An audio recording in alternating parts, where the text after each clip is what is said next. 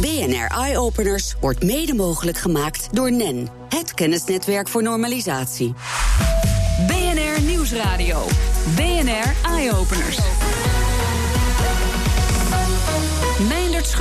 Online bestedingen nemen steeds verder toe en daarmee ook de stroom aan retourartikelen. He, ze worden thuis bezorgd en blijken dan toch net niet zoals verwacht. En ja, dan gaan ze dus terug.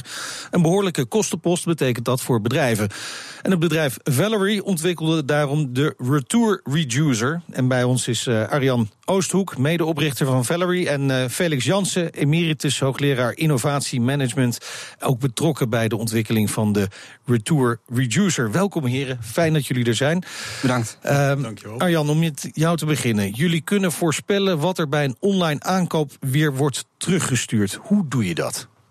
Uh, nou ja, zoals je weet, bij Valerie vertalen wij wetenschappelijke modellen naar de praktijk. Uh, en eigenlijk wat we doen, we zijn met een aantal wetenschappers een periode aan het werk geweest om hiervoor een model te ontwikkelen. Ja. Omdat het toch wel het meest onderschatte probleem is in de hele e-commerce. Um, en hoe we dat doen, echt specifieke methode erachter, ja, daar kan Felix ja. uh, alles over vertellen. Maar eigenlijk meer het probleem daarachter is dat het ja, gigantisch, uh, de online aankopen stijgen natuurlijk gigantisch. Ja. En wat we in de markt zien is dat het ja, wel tot 50% kan, uh, dat de retouren eigenlijk tot 5% kunnen oplopen. En daar lopen bedrijven gewoon op leeg. Dus wij hebben eigenlijk een model wat ongewenste retouren kan voorspellen. Want je hebt natuurlijk ook gewenste retouren. Ja, ja. En daar ja, kunnen we eigenlijk met technologie kunnen we die uh, retouren, omdat het door de wetgeving natuurlijk is toegestaan, kunnen we de gevolgen ervan beperken. We gaan zo wel even kijken naar de, ge de gevolgen hè, voor het bedrijfsleven ja, en wat ja. dit ze kan opleveren. Maar eerst inderdaad maar eens even naar die voorspellingen. Want uh, Felix Jansen, hoe doen jullie dat? Hoe voorspellen jullie of iemand iets terug gaat sturen? Ja, dat hangt af van, de, van een aantal factoren. Dat hangt uh, allereerst af natuurlijk van wat verwacht je van het pro product en wat, uh, wat krijg je uiteindelijk. Ja. He, dus uh, als daar een grote gap tussen zit, dan stuur je dat terug. Dat is echter ook afhankelijk van het type persoon. Dus uh, de ene zal het sneller uh, terugsturen ja, ja. dan de ander. En van het en, product kan ik me voorstellen. En dus van het product, hè, de productkenmerken, ja. attributen. En het hangt af ook van het hele vervoersproces. Als je natuurlijk uh, het op een bepaalde tijd verwacht en het komt later, uh, of het wordt op een andere, andere manier afgeleverd, of uh, ja, heel ergens anders, dan ben je teleurgesteld. En dan zou je eerder geneigd zijn om te zeggen: ja, dit is toch niet wat ik wil. Nee, nee. Of als het beschadigd is of wat dan ook. Hè. Ja. Dus er zijn een aantal factoren die dat bepalen. En deze factoren, die, uh, ja, die hebben we in een model gebracht. Oké. Okay. En, uh, en die ik bepalen... heb het model nu voor me. Ja, ja. Nou ja, dit is een hoog niveau uh, ja. model. Het ziet er heel iets ingewikkeld uit voor mij. Maar nou, het is wel makkelijk gemaakt in kleurtjes. Maar ja. goed, laten we toch proberen om het met woord duidelijk te maken aan de luisteraar hoe dat dan ongeveer werkt. Maar ik kan me even heel simpel bijvoorbeeld voorstellen dat een heel veel teruggestuurd product kleding is omdat mensen nou ja, eenmaal ja. online niet echt goed kunnen zien of iets past. Ik heb dat heel vaak met spijkerbroeken bijvoorbeeld. denk ik, Ja. ah, ik ben wel slank genoeg daarvoor. Uh-uh. Ja, en, en wat, wat men dan doet is natuurlijk een maatje groter, een maatje kleiner, een, een wat verschillende kleuren. Precies. En dan, dan pas je dat eh, thuis aan. Ja. En er zijn natuurlijk eh, ook bepaalde, eh, zeg maar, personen, en dat komt steeds vaker voor, die thuis hun paskamer maken. En vier, vijf eh, jurken of kledingstukken of Ja. schoenen bestellen. Oké, maar dat, dat, dat is dan nog denk ik een redelijk makkelijke voorspelling. Hè? Als Ja, iemand eh, drie spijkerbroeken bestelt die allemaal dezelfde kleur hebben, alleen een ander maatje, dan weet je, er komen er twee terug. De, nee, Minimaal. dus meestal de winst. Ja, de middelste. Ja, waarschijnlijk goed, wel. Dat, eh, ja. Ja. maar de rest is misschien wat moeilijker te voorspellen. Een, een aantal dingen zijn moeilijk te, eh, te voorspellen. En dan gaat het met name wanneer je een product eh, zeg maar bestelt. Je verwacht een ja, bepaalde karakteristieken, bepaalde Mhm. kwaliteiten. En het komt, eh, het komt aan en het is dus toch Ja. iets anders Ja. dan je had verwacht. Ja. En dan is natuurlijk, dan, dan ligt het ene ook een beetje aan van hoe heeft men het gepresenteerd? Ja. Heeft men het wel goed gepresenteerd? Heeft men niet oververkocht of wat dan ook? Ja, precies. Oké, eh, eh, dan ga je naar die voorspelling. Hoe, hoe zeker is deze voorspelling? Hoe accuraat kunnen jullie Het, zijn? eh, Het, eh, kijk, we maken een model. En eh, dat, eh, dat is eigenlijk de basisprincipes van artificial intelligence en machine learning. We maken een model, we trainen dat met historische data, hè, zoveel mogelijk uh, uit, uit die situatie. We testen het op die, op die data. En op een gegeven moment zeggen van jongens, dit, dit, dit heeft een bepaalde kans. Ja. Dan door te gebruiken. Uh, krijg je steeds meer data en kan je het ook steeds beter verbeteren. Dus het wordt steeds accurater. Maar het wordt steeds accurater. Waar, waar staan jullie nu?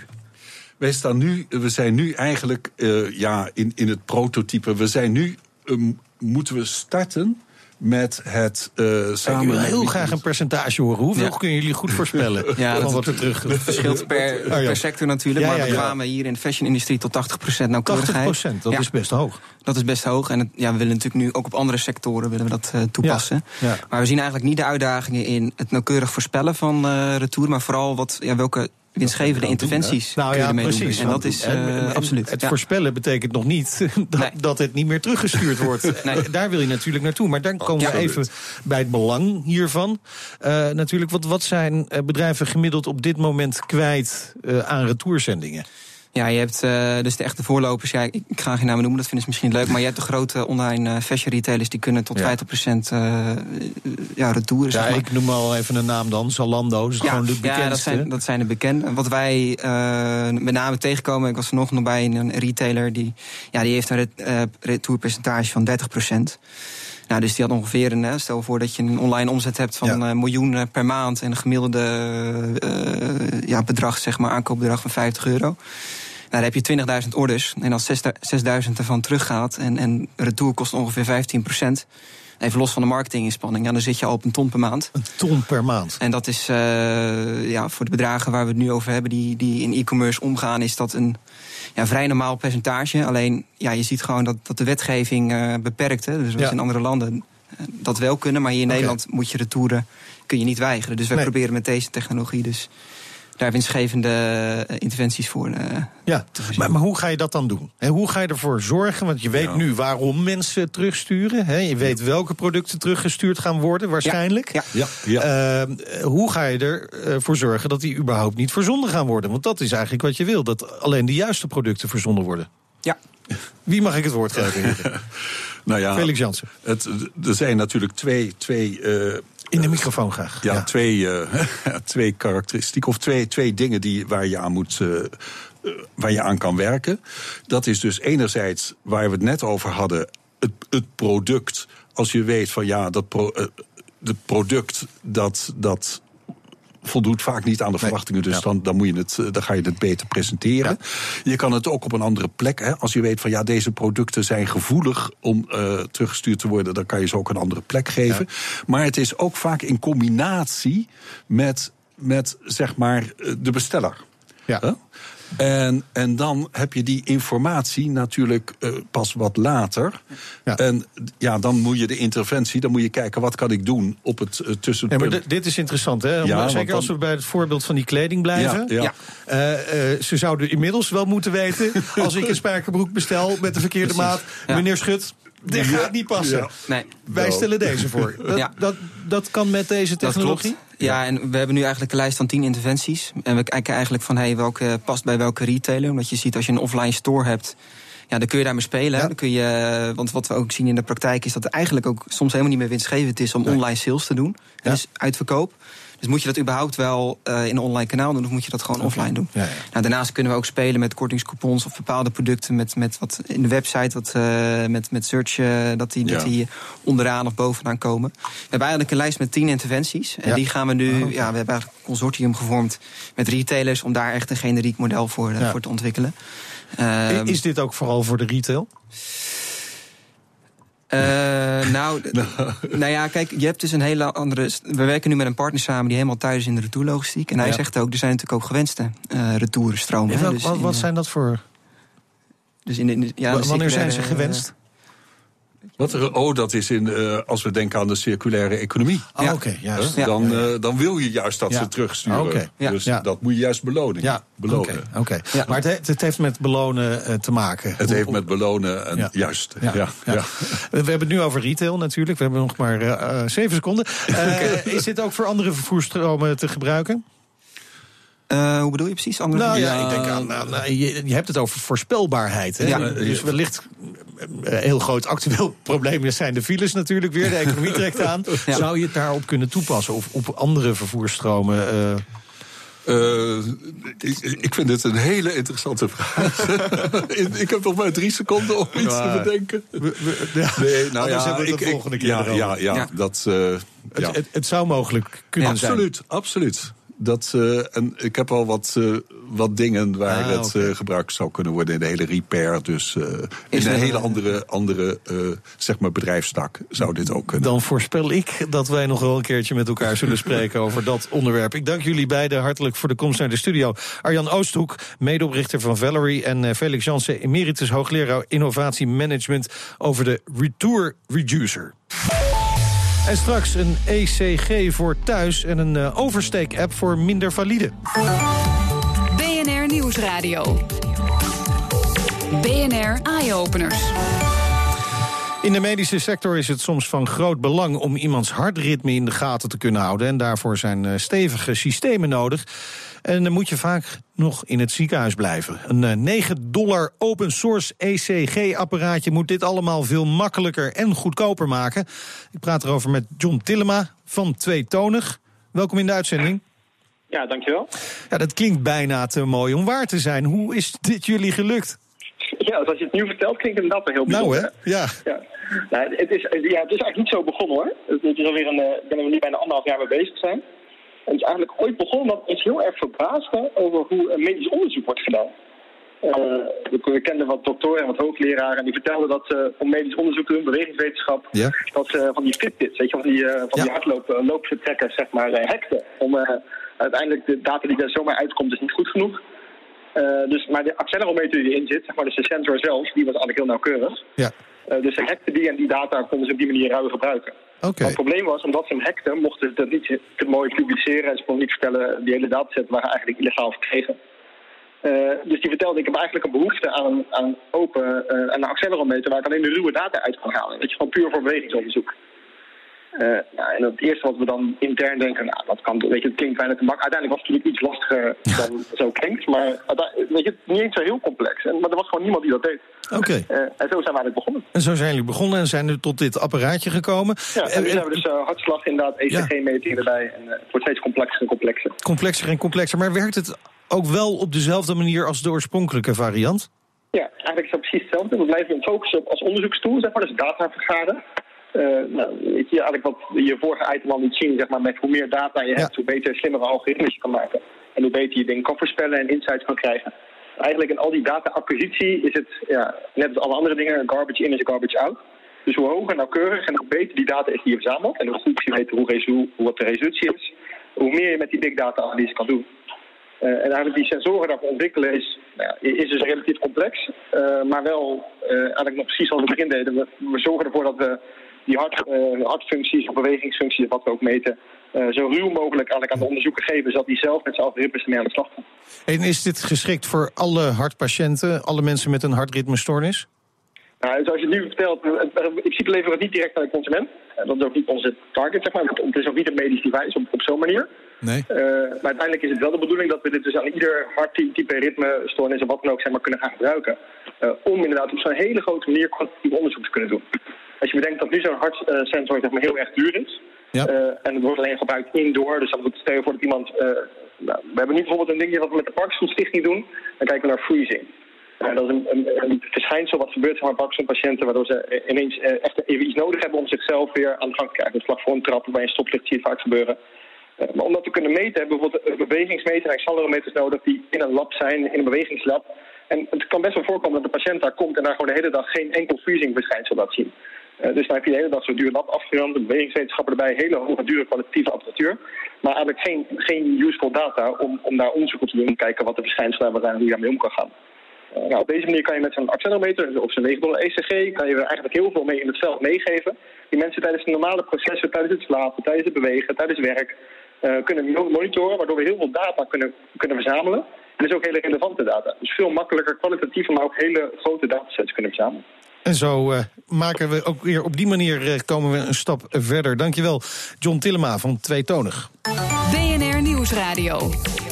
Meindert Schut. Ja, innovatie, het uh, kan op allerlei gebieden helpen. En uh, ook op bijvoorbeeld uh, mensen met een handicap die over willen steken. Iedereen kent het wel, maar voor mensen met een handicap is het echt vervelend. Een voetgangersstoplicht dat na een paar seconden alweer op rood gaat. En dat moet anders kunnen, dacht de gemeente Tilburg. En samen met Dinnick Mobility bedachten ze daarom een app die minder valide extra tijd geeft om over te steken. Haye Mensonides is van Dynic Mobility. Goedemorgen. Morgen, ja, middag al. Nou, sorry. Ja, ja. het is uh, inderdaad al uh, middag. ja, ruim. Ik ben zeg, er niet uit geweest, dus. Nee, precies. Hey, uh, wat hebben jullie precies ontworpen om dit probleem op te lossen? Nou, je hebt het keurig geïntroduceerd.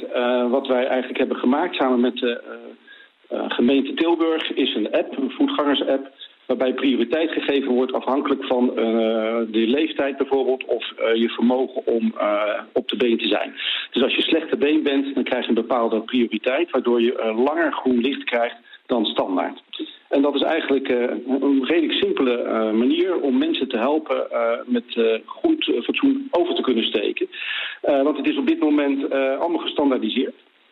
Uh, en uh, dat is zonde, want daardoor is er te weinig tijd, zoals je al zei, uh, ja. om naar de overkant te komen.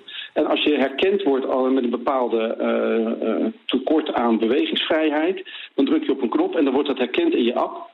En op het moment dat dat gebeurt, krijg je langer groen licht, afhankelijk van hoeveel je nodig hebt, waardoor je het overkant ja. wel kunt halen. Nou klinkt dit heel erg simpel, maar jullie zullen ongetwijfeld wel tegen wat uitdagingen aan zijn gelopen tijdens de ontwikkeling van die app. welke waren dat?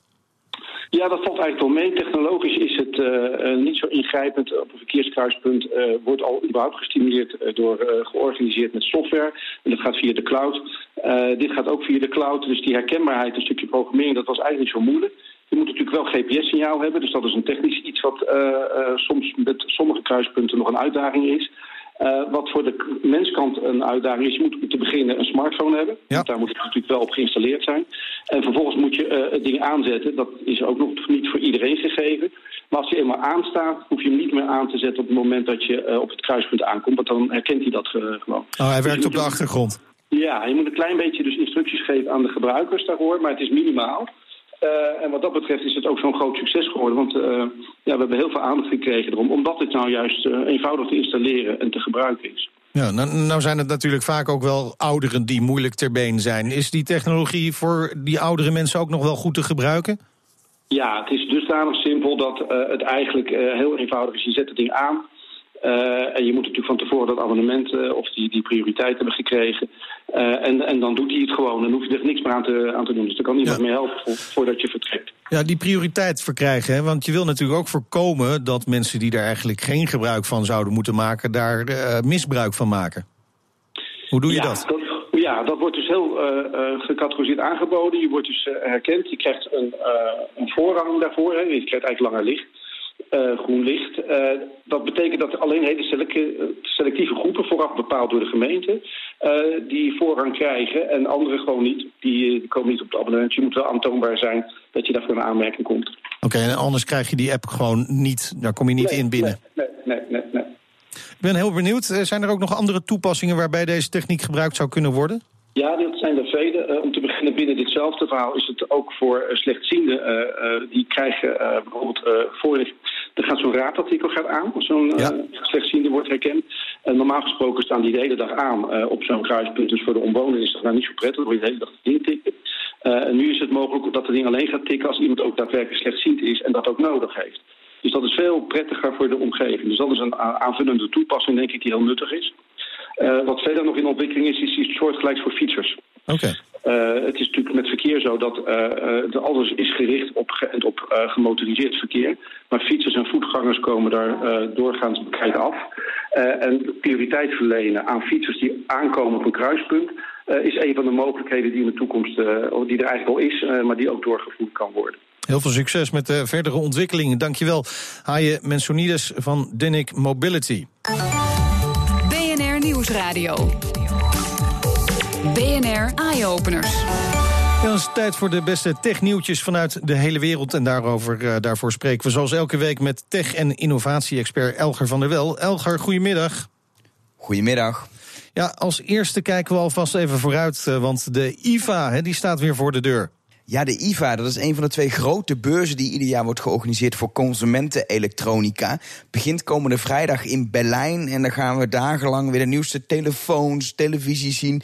Eén grote aankondiging is eigenlijk iets te vroeg al gedaan. Hoe vrij bewust gok ik zo, omdat er heel veel uitkomt natuurlijk. Door het bedrijf Fitbit kennen we van al die fitness-trackers. Ja. Zij komen nu met een echte smartwatch. Onder andere ook een versie samen met sportmerk Adidas.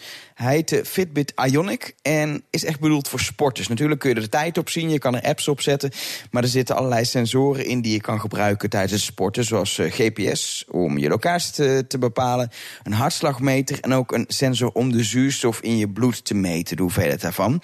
Uh, allemaal niet super bijzonder. Eigenlijk het allerbijzonderste is wel de belofte... dat hij maar liefst vier dagen met een batterij doet. Zo. Dat is veel meer dan bij de concurrentie. Ik weet niet hoe ze het hebben gedaan, maar het is wel erg knap. Nou, in ieder geval heb je weer iets om uh, naar te kijken als je op uh, straat loopt. En uh, ondertussen appen en een filmpje bekijken. Het gebeurt steeds vaker. Hè. Veel mensen doen dat, maar echt veilig is dat natuurlijk weer niet. In de Verenigde Staten nemen ze daarom maatregelen, begrijp ik? Ja, in Stanford, in de staat Connecticut, kijkt men daadwerkelijk naar een verbod op het op straat lopend je telefoon gebruiken. Dus je mag niet gewoon even lekker appen terwijl je op de stoep uh, loopt. Uh, op Honolulu, Hawaii, gaat het zelfs al in het verbod in oktober. Mensen zijn er niet echt heel blij mee. Zeker niet als je hoort hoe hoog de boete is. Kost je 15 tot 99 dollar als je Zo. al append, lopend wordt gepakt op straat. Nou, vliegen wij even door naar uh, Australië. Daar gaan ze op zoek naar haaien. En daar gebruiken ze de nieuwste technologie voor. vertel eens, Elger. Ja, haaien vormen een serieuze risico als je een duik wil nemen in de zee in Australië. En daar hebben ze nu iets op gevonden. Ze gaan haaien spotten vanaf september als het strandseizoen uh, weer begint ja. met drones. Die drones ja, die vliegen eigenlijk over zee. En via kunstmatige intelligentie kunnen ze haaien in de zee herkennen met 90% zekerheid. Oh. Ze kunnen het gewoon beter dan mensen. En het idee is dat de drones ook reddingsvesten aan boord hebben. Dat als er iets gebeurt, ze meteen een vest in het water kunnen droppen. Ik ben heel benieuwd hoe dat in de praktijk uit gaat zien. En vooral ook of het gaat werken. Nou, ik ook. Uh, Elger, dan sluiten we af met uh, muziek voor uh, deze keer.